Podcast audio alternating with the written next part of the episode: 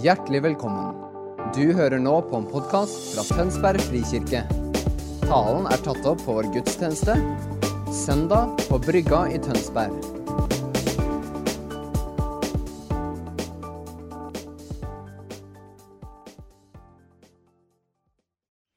Jeg tror ikke egentlig vi forstår hvor velsigna vi er som kirke og menighet. For sånne øyeblikk som det her betyr hele forskjellen. Hvor vi i enhet stemmes til å lovprise Jesus. Og hva han gjør ved sin ånd i den enkelte av våre hjerter i det øyeblikk, det har vi som regel ikke begrep om og tanker rundt. Men han gjør det. Den lovprisende menighet formes til å bære mer av hans herlighet og kjærlighet. Ordet forteller oss det. Derfor er jeg så takknemlig. Men vi åpner altså et um, tema i dag som skal vare hele høsten, med unntak av de søndagene hvor vi får særskilt besøk, og de er det noen av. Vi, uh, vi har mange godbiter i vente. Uh, vi får biskop emeritus Per Arne Dahl på besøk på, nei, på Takknemlighetssøndag. Egil Svartdal kommer. og Nytter ikke å legge bånd på han, så han får, får lov til å preke som han vil. Og flere andre. Men når vi har styringa, så kommer det til å handle om evangeliet, om Guds rike. Og Boka som, som vi ble inspirert av i Eldsterådet, og som danner grunnlag for dette, er denne boka av Bernt Torjussen, som faktisk nå er innleid, uh, innleid pastor i 30% borte i Betania mens de leter etter fast pastor. En flott mann jeg kjenner, som, som både er uh, en god pedagog og coach i næringslivet, og som evner å formidle Bibelens sannheter om Guds rike på en veldig sånn, konkret og god måte. Og mange av de forestillingene og innvendingene som vi av og til har og reiser i møte med sannheten i Guds ord om evangeliet om Guds rike, de, de møter ham på en flott måte. Da. Anbefaler dere å kjøpe den boka. Abraham har sagt at uh, vi her på huset skal få 15% rabatt hvis vi kjøper den ved i løpet av denne måneden. Så løp og kjøp, som du sier. Mm. Flott å bruke vekstgruppene. Flott å lese på egen hånd. Veldig god bok. Ja. Her i Tønsberg har vi fått et kall til å være en menighet overrust av kjærlighet til Gud og mennesker. Og dere, det er en Guds rike visjon. Det er troen på at Gud vil la sin fullkomne kjærlighet overøse oss på en sånn måte at det gjør noe med relasjonene våre horisontalt. Og det vender hjertene våre til Han i tilbedelse, takk og kjærlighet tilbake. Og det er det Gud som gjør. Dere vet, Det er helt irrasjonelt å tro på Gud. Det er bare når Den hellige ånd kommer og gir oss troens gave, at det er mulig. Så for hver og en av dere som sier at dere tror på Gud, så kan dere takke for at dere har fått troens gave og tilbedelsens ånd i hjertet å få lov til å være med i akkurat dette her helt naturlig, overnaturlige prosjektet som heter menighet. Vi elsker å bruke det ordparet, særlig i bibelskolen. Naturlig overnaturlig liv med Jesus. Og det er fordi dere, det er ingen av oss som vil ha naturlig liv med Jesus. For hvis livet med Jesus bare inneholder det som er helt tilgjengelig, helt naturlig og mulig for meg i min menneskelighet, ja, da er det ikke mye gudstro i det. Er dere med? Derfor så elsker vi det paret, naturlig og overnaturlig. Ikke fordi at vi skal bli speisa og rare og sånn åndelig svevende, men fordi at Jesus er overnaturlig. Fordi han er guddommelig. Samtidig som han er fullt og helt menneske. Og derfor skjønner han oss. Og i den koblinga så er det en sprengkraft som også ble lest her fra Efeserbrevet 3 under lovsangen. Han som er hodet over kirken. Han som er hodet, har han gitt til kirken. Sånn at alt som er tilgjengelig i Jesus, er tilgjengelig i kirken. Det er altså ingen forskjell på hva Jesus er og har tilgjengelig, og hva Kirken er og har tilgjengelig. Fordi han er hodet for Kirken, og de er uløselig knytta sammen. Er dere med? Ja. Det er fundamentet i vår tro. Gud vil alltid sprenge referanserammene og boksene våre. dere. Hvis vi prøver å forstå og gripe Gud på egen, på egen må, måte eller på egne vegne, så vil vi komme til kort. Fordi Gud er alltid større enn vår tanke og vår fatteevne. Hvordan ser jeg verden? Eller hvordan jeg ser verden, er dagens tema. Hvordan jeg ser verden. Og Jeg har lest et sånn deilig fyndord eller sitat som, heter, som går sånn her. Det kommer opp her òg. Du ser ikke verden sånn som den er. Du ser verden sånn som du er. Smak litt på den. For det er helt sant. Ingen av oss har tilgang til den objektive sannheten om den virkeligheten som omgir oss. Alle sammen ser vi virkeligheten rundt oss med de brillene vi har på. Og det har vi enten du har noe på nesa eller ikke. Vi har briller på som farger forståelsen vår. Liv, oppvekst, erfaringer, høydepunkt, smertepunkt. Alt sammen er med å forme de brillene som du har på nesa di. Og som gjør at du ser virkeligheten på den måten du ser den. Og derfor så sier altså Romerbrevet 12,2 et vers som vi ofte er borti. Innrett dere ikke etter den nåværende verden, men la dere forvandle. Med andre ord, hold ikke fast i dine egne forestillinger. Men vær åpen for at Gud ved sin ånd kan forvandle dine tankebaner. La dere forvandle. Hvordan? Ved at sinnet fornyes. De av dere som hørte Anettes tale på vårparten om hjerneforskning, hør gjerne den en gang til. Vet at vi sitter så fast i våre tankebaner. Kroppen er nemlig laga på den måten at vi bruker minst energi når vi følger våre faste spor og opptråkka mønster i hjernen. Det betyr at selv om du har fått frihet til å gjøre ting på en helt ny måte, så vil du sannsynligvis gjøre det akkurat som før. Fordi at det jobber hjernen din for at skal skje. Med andre ord det å begynne å leve på en annen måte enn du har gjort til nå, det krever et bevisst, hardt arbeid så har vi Guds hjelp i det her. da. Er dere med? For når Den hellige ånd begynner å fornye tanken vår, så kan vi faktisk velge nye ting, si nye ting, erfare nye ting, føle nye ting. Og føle, det liker vi. Vår samtid føler mye. Politikere føler til og med at en vei skal gå der og ikke der. ikke sant? Vi blander jo helt. De mener jo det, de føler jo ikke det. Men dette her går de sur for oss. Og da er det greit å vite også dere at følelsene sitter ikke i hjertet, de sitter i huet. Du føler det du har tenkt først. Følelsene dine kommer av det du tenker. Få orden på tankene dine, så får du orden på følelsene dine. Oi, det var veldig direkte. Men det er helt sant. Hjerneforskning har vist oss det. Det er ikke bare Bibelen. Men Bibelen sier det også i Romerne 12,2. La dere forvandle ved at sinnet fornyes, så dere kan dømme om hva som er Guds vilje det gode, det fullkomne, det som er til glede for Gud. Og Evangeliet om Guds rike er altså ikke bare evangeliet om frelsen og håp om himmel. Selv om det er helt sentralt for vår tro. Men vi er også frelst til et liv, dere. Til et liv. Og vi så hans herlighet den herlighet som den renbårne sønn har fra sin far, full av nåde og sannhet. Og så litt lenger tidligere i Johannes-prologen, Johannes 1,4. I ham var liv, og livet var menneskenes lys. Med andre ord, her har vi kontakt med hva Jesus representerer og er ment å være for oss midt i livet nå.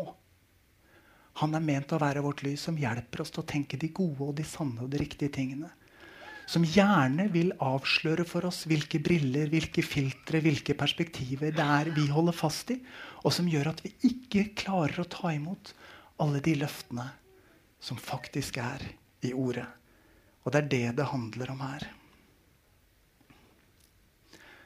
Poenget, Hvis jeg lykkes med det jeg skal undervise i dag, så er dere kanskje utover dagen og utover uka når dere tenker på det som er sagt i dag, litt mer bevisst på hvem er jeg? Hvordan tenker jeg? Hva påvirker måten jeg ser verden på? Og hvordan står det i forhold til hva Jesus sier i sitt ord? Dere vet det er, Jeg skal komme litt tilbake til det med bibeltolkning om litt. Men det er et begrep som heter 'som fanden leser Bibelen'. Og det er altså et uttrykk for at du kan gå til denne boka og lete etter argumentasjon for det du allerede mener. Ja. Og da kan vi få mange rare teologier og mange rare tolkninger. Men poenget er i størst mulig grad å nullstille seg innenfor lesningen av ordet. Og si, 'Jesus, led meg ved din ånd. Gi meg åpenbaring, så jeg kan få tak i din tanke. Det du mener, det du vil si i dag. La meg ikke stå fast i min egen begrensning, men la meg ta imot det du har for meg i dag. Er dere med? Da kommer det liv. Det andre er mening. Og bokstaven slår i hjel, men ånden gjør levende. Det sier ordet. Så det er lurt å gjøre det motsatt. Så ønsket vårt i dag altså er mer og mer å se verden som Gud ser den. I sitt ord og ved sin ånd. La oss se litt da, på dette med filtre. Filtre som preger livet vårt. Vi har lest Lukas 11 allerede i dag. Kroppens lampe er øyet. Når øyet ditt er godt, er hele kroppen din fullt av lys. Men når øyet ditt er dårlig, så er kroppen din full av mørke. Hva er det Jesus snakker om her? Han snakker ikke om vårt fysiske øye. Men han snakker faktisk om de filterne du og jeg har i vår måte å forstå. Vår evne til å gripe virkeligheten. Hvis vi legger mange filtre på, så blir lysstyrken stadig dårligere, og det blir mørkt. Og jo mer vi legger på av filtre som preger oss, som drar oss bort fra Guds ord, jo mørkere blir det. Og jo mindre lys har vi. La oss se på noen av filtrene som vi har. Verdier, f.eks. Vi har alle sammen har vi et verdisett. Og hvordan vi reagerer og responderer på det som sies rundt oss, er helt avhengig av verdiene våre. La oss ta en deilig aktuell sak fastlandsforbindelsen. Ja, ikke sant? Hvis du er øybeboer og autofil, så bare gleder du deg til den nye autostradaen som skal komme. Er du grønn og miljøpartitilhenger, så tenker du vi skulle bare droppa hele planen, satt opp en buss ekstra, så var alt løst. Vi må selv redde planeten. Ja, Og så kan jeg karikere begge, begge posisjonene. Jeg er ikke meningen å karikere noen av dem. Men det er bare for å synliggjøre helt ulike verdisett som aktualiserer helt ulike tanker og følelser i dere, avhengig av hvor du står. Hva som er viktig for deg, hva som er dine verdier. Og så tro. Tro er viktig. Det, det er opplagt for oss i kirken. Tro er viktig. Men hebreerne 11 sier noe viktig. Tro er full tillit til det en håper på. Overbevisning om det en ikke ser. Hvis jeg bare tror på det jeg har sett, så er det vel egentlig ikke tro i bibelsk forstand, men en stor tillit til empirisk vitenskap du bekjenner. Troen gir deg tilgang til en virkelighet du ikke ser med det blotte øyet. Første kor 2, 8 og 9. Det intet øye så, intet øre hørte. Det som ikke kom opp i noe menneskes tanke, det har Gud gjort ferdig for dem som elsker ham. Og han åpenbarer det ved sin ånd. Hvis vi prøver å få tak i hele Guds rike i virkeligheten med det blotte øyet og den empiriske tilnærmingen, så vil vi bomme. Vi vil gå glipp av det meste. Men jommen har jeg sett mye av det av Guds rike med mitt blotte øye når troen først har fått lov til å utvide perspektivet mitt. Er dere med? Vi må tørre å gi slipp på det empiriske, vitenskapelige, og la troen åpne en virkelighet for oss som så siden det naturlige øyet vil komme til å se. Når dama som var blind på ett øye, plutselig så borti Gulset kirke, da var ikke jeg i tvil om at det empiriske øyet hadde sett en dame før og etter. Men hvis ikke ånden hadde fått åpne mitt troens øye, så hadde jeg aldri bedt. Er dere med? Mm. Derfor står det også om eh, Moses litt lenger ned i Hebreerne 11. Full av tillit til det han håper på Nei, unnskyld. For han holdt ut som om han så den usynlige, blir det sagt om Moses når han går ut av Egypt i tro på det Gud har talt. Og vår lille konkrete trosvandring knytta til bibelskolen er jo nettopp det. Det var ingen som hadde veldig tro på Tønsberg bibelskole. Staten vil jo ikke ha flere skoler. Men vi hadde fått ta imot en tro på at Gud ville en skole. Og vi gikk veien, og Gud åpna den. Er dere med? Dette er troens vandring. Så tro er viktig. Overbevisning. Hvilke overbevisninger har vi? De farger måten vi forstår virkeligheten på. Overbevisninger det er på en måte trossystemer som fanger opp det du har opplevd, det du har sansa. Og, og det gjør noe med måten du forstår en situasjon på. Jeg fortalte, jeg talte på, eh, på um, Youth Camp i sommer. Ungdommenes uh, uh, del av Åpen himmel-festivalen. Og Da var jeg litt personlig med det, og så viste jeg fram et bilde av meg selv i baris. 20 år gammel. Det var bedre, for, det var bedre da jeg var 20 år. Men jeg gjorde det fordi at Morten 20 år tenkte at han var tjukk. Og så så jeg det bildet av meg selv. Jeg var ikke tjukk et sted. Jeg var like tynn som gutta mine. Kanskje litt tynnere. For jeg hadde ikke pumpa så mye som dem. Nei. Men jeg husker hvordan jeg satt når Bergljot tok det bildet av meg. Jeg passa på å sitte sånn at magen ikke folda seg. Fordi min identitet og min tankebygning var at jeg var tjukk. Og jeg tok det fram for ungdommene i, opplagt, uh, i en helt opplagt hensikt. Det skjønner dere. For å hjelpe de til å tenke sant. Men dere, det er akkurat det samme med de som er syke og har spisevegring. De har en forestilling, tanke, en tankeverden, en overbevisning, som korrigerer det det naturlige øyet ser. Og dere, hvis vi tar dette over til troens verden Hvis du har en overbevisning som er i motsetning til Guds ord, så vil du med ditt naturlige øye og din tilnærming korrigere, sånn at du ikke kommer til å se det Gud ønsker å vise sitt folk.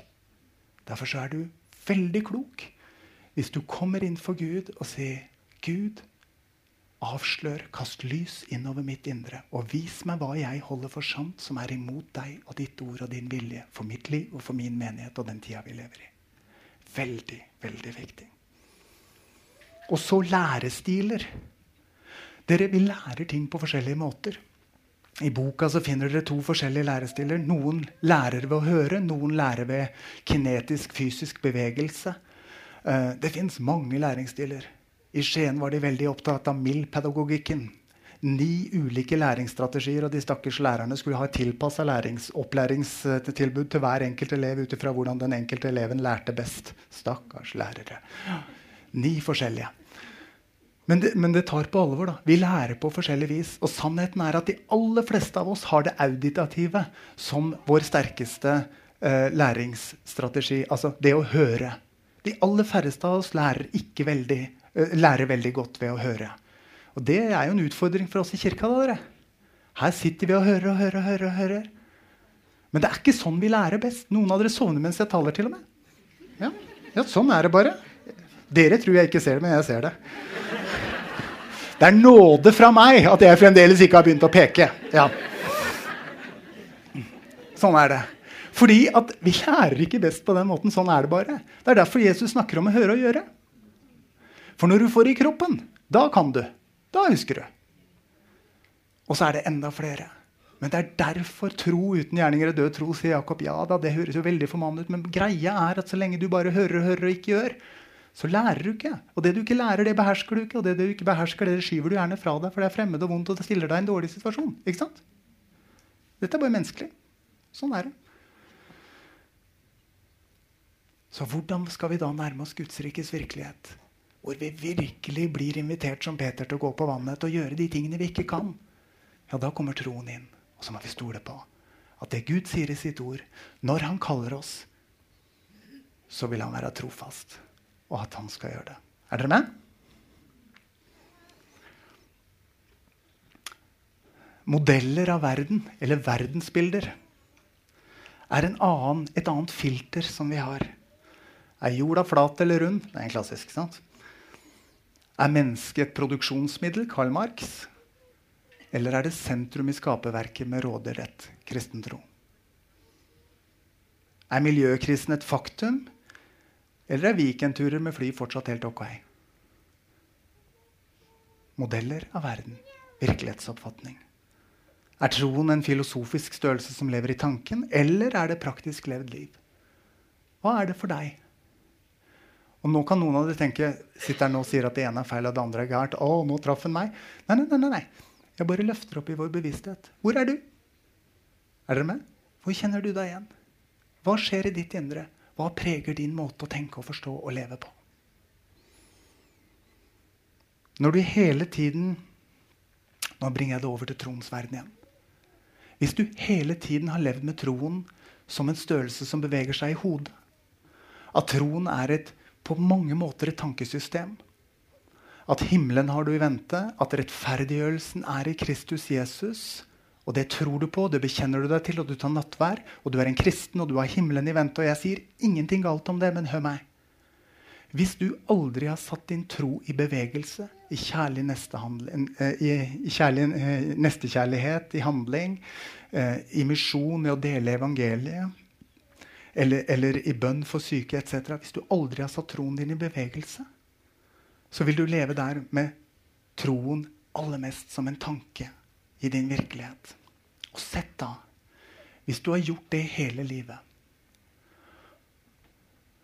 og du tror på Jesus, og du er frelst.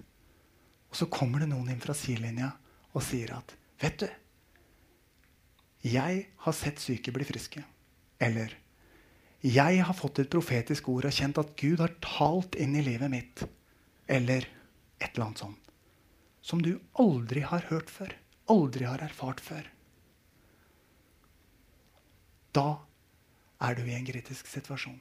Da har du nemlig et valg enten å stå fast i ditt verdensbilde. Og det gjør de fleste av oss. Det der har jeg ikke erfart. Det tror jeg ikke er for nå. Jeg tror på de teologene som sier at alt det der har vi til vente når Jesus kommer inn. Jeg står fast her. Og så skyver du vitnesbyrdet, den andres erfaring, bort. Og så bekrefter og befester du ditt eget virkelighetsbilde. Er du med? Det er veldig menneskelig. De fleste av oss gjør det. I forskningen er det helt vanlig inntil forskningen blir så overveldende at man må gi opp. Det kaller man et paradigmeskifte. Kamam, og plutselig er det det nye som gjelder. Jorda er rund. Ja, sant? Men det er akkurat det samme for deg og meg. Vi tenderer til å forsvare det vi har tenkt og trodd fram til nå. Og derfor trenger vi å åpne oss for ordet. Når han sier at han vil åpenbare det intet øye har sett og intet øre har hørt, så må vi nullstille oss med våre erfaringer, våre tanker, og si, 'Gud, hva enn du vil vise meg, så vil jeg ta imot.' Jeg tror på deg, Jesus. Jeg kjenner deg. Og jeg har tillit til ditt ord. Jeg har tillit til det du viser meg ved din ånd. Da åpner det seg bam, en helt ny virkelighet. Er dere med? I teologien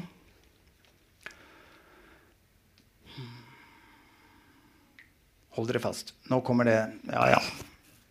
Jeg må ta med dette. Innenfor teologien så har vi noen begreper når det gjelder skrifttolkning. Noen latinske begreper. Norma normata, norma normans. Norma normans er normenes norm, og det er Guds ord. Dette er teologi som vitenskap og fag.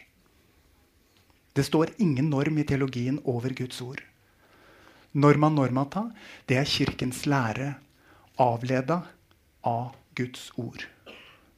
Erfaringen teller med. Våre menneskelige erfaringer teller med i teologien. I etikken især, fordi at ulike ting er riktig og viktig for ulike mennesker. Men alle sammen må vi forholde oss til Norman Normans, som er Bibelen, og Norman Normata, Kirkens læresetninger. Dette hjelper oss for det er altså faktisk ikke vår erfaring som definerer hva som er sannhet. Det er Guds ord. Din erfaring forteller om hva du har sett og opplevd så langt. Og uansett hvor mye du har fått se, så er din erfaring veldig begrensa. Og du gjør klokt i å lytte til andre mennesker som har andre erfaringer, og til Gud, som har all åpenbaring. Er dere med? Ja. Derfor er det viktig når jeg sier dette her, at vi må få avliva dere. Det som er en slags slogan i kirkesammenheng i dag, ja, det er nå din tolkning, men jeg har min. Dere, det funker ikke. Det fins gyldige tolkninger, og det fins ugyldige tolkninger. Akkurat som jussen har sitt tolkningssett og sine prinsipper for tolkning av lovtekster, så har teologien det. Og hvis den eneste måten du kan begrunne ditt standpunkt på, er ved å sette Guds ord til side, så har du ingen gyldig tolkning. Du har en mening. Du har rett til å ha en mening, men det er ikke en gyldig tolkning. For en tolkning må være fundert i Guds ord. Og hvis din mening setter Guds ord til side, så må du gjøre et valg i det. Jeg ville ikke stått der. Du har rett til din mening. Her er ikke meningstvang. Men hvis du har en overbevisning og en holdning som er i strid med Guds ord, så er det ikke en gyldig tolkning. Dette er viktig.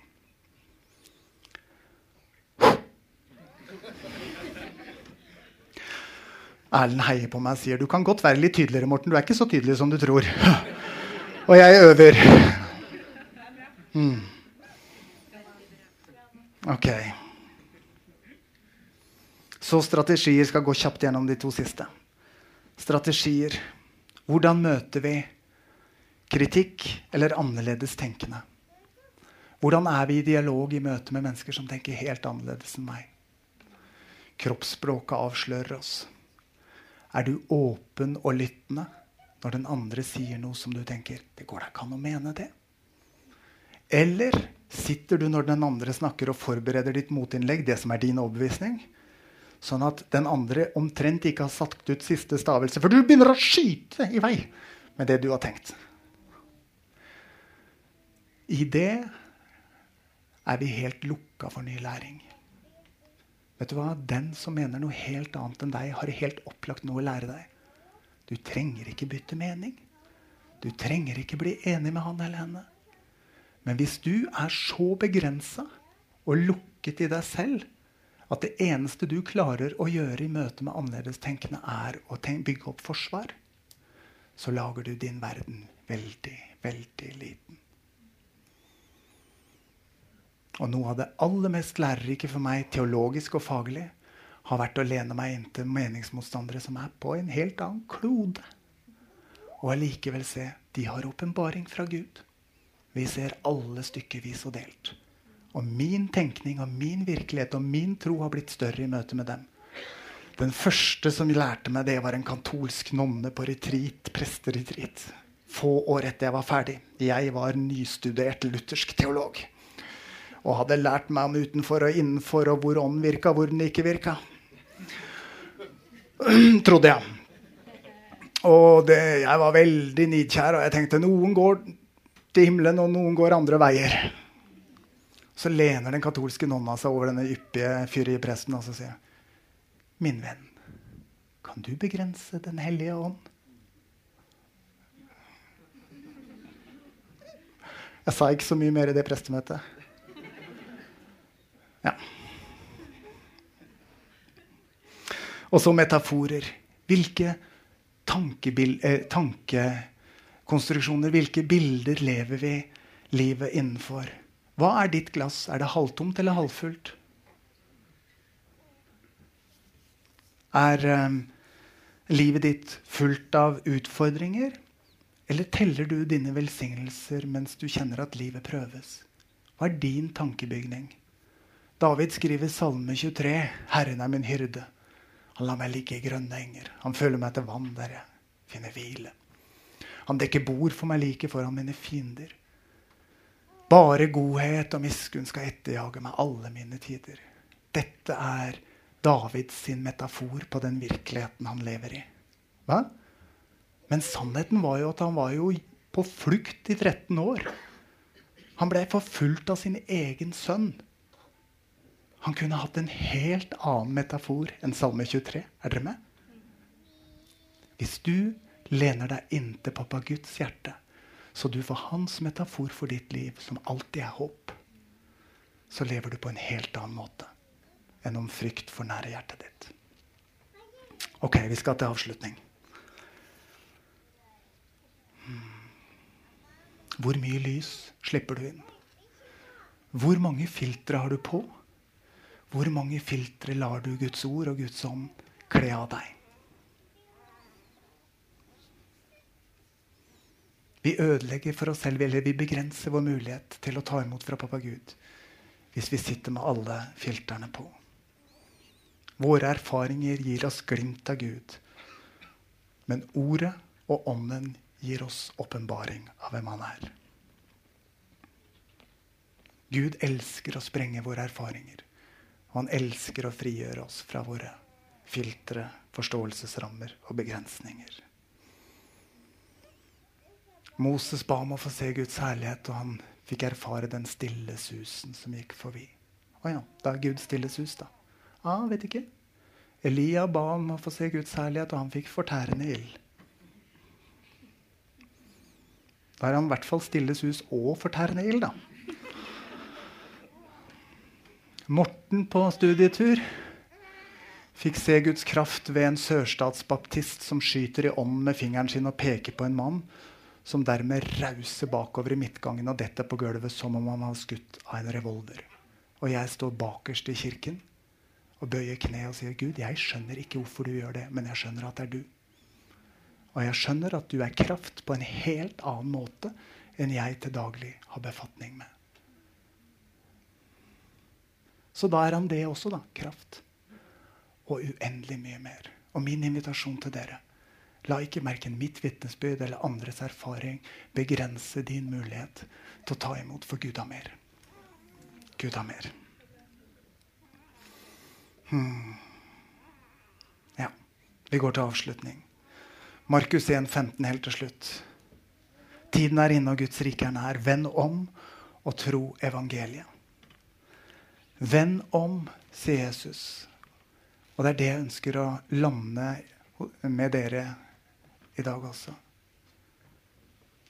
Etter det du har hørt, hvis du har fått tak i litt hvem er jeg, hva er mine forestillinger, hva er mine verdensbilder, hva er mine filtre, så ta imot orda fra Jesus om venn om.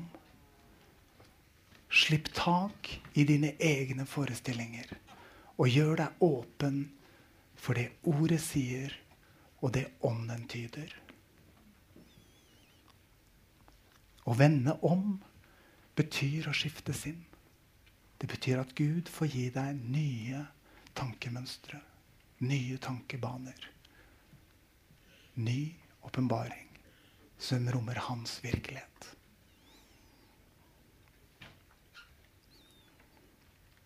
Ja, vi ber sammen, og så skal dere få ta oss inn i tilbedelse. Herre Jesus, må du må du ha din vei med oss som enkeltmennesker og som menighet. Takk for troens gave. Takk for det livet vi får lov til å leve. Takk for det du har vist oss så langt. Det vi har fått lov til å erfare og se. Og Jesus, vi sier til deg, vi vil se mer. Vi vil ta imot mer, vi vil omfavne mer. Vi vil, vi vil erfare at ditt rike spirer fram med kraft, Herre i sin fylde, Herre. For vi vet at ditt ord er sant. Så Hellige Ånd, la fylden av din fullkomne kjærlighet overøse oss. Så hjertene våre oss igjen og igjen og igjen blir vendt mot deg og hverandre. Gjør kjærlighetens under i vår midte, Herre. Og kast lys over våre tankebaner og vårt indre. Det livet vi har levd, og erfaringene vi har gjort. Løgnene vi har holdt for sannhet. Kom med din sannhet, Herre. Og gjør oss klare til å tre inn i det du setter foran oss. Herre, vi har ingen ambisjon om noe som helst annet enn å gripe det du har for oss, og tre inn i det du setter foran oss så led oss, Herre. Den enkelte av oss i våre liv og fellesskapet vårt. Vi tilhører deg, Jesus. Deg være ære i all evighet. Amen.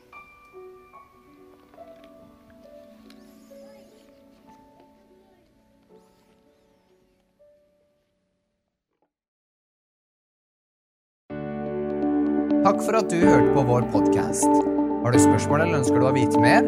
Søk oss på vår nettside tonsbergfrikirke.no. Du er også velkommen til kirke på Brygga i Tønsberg.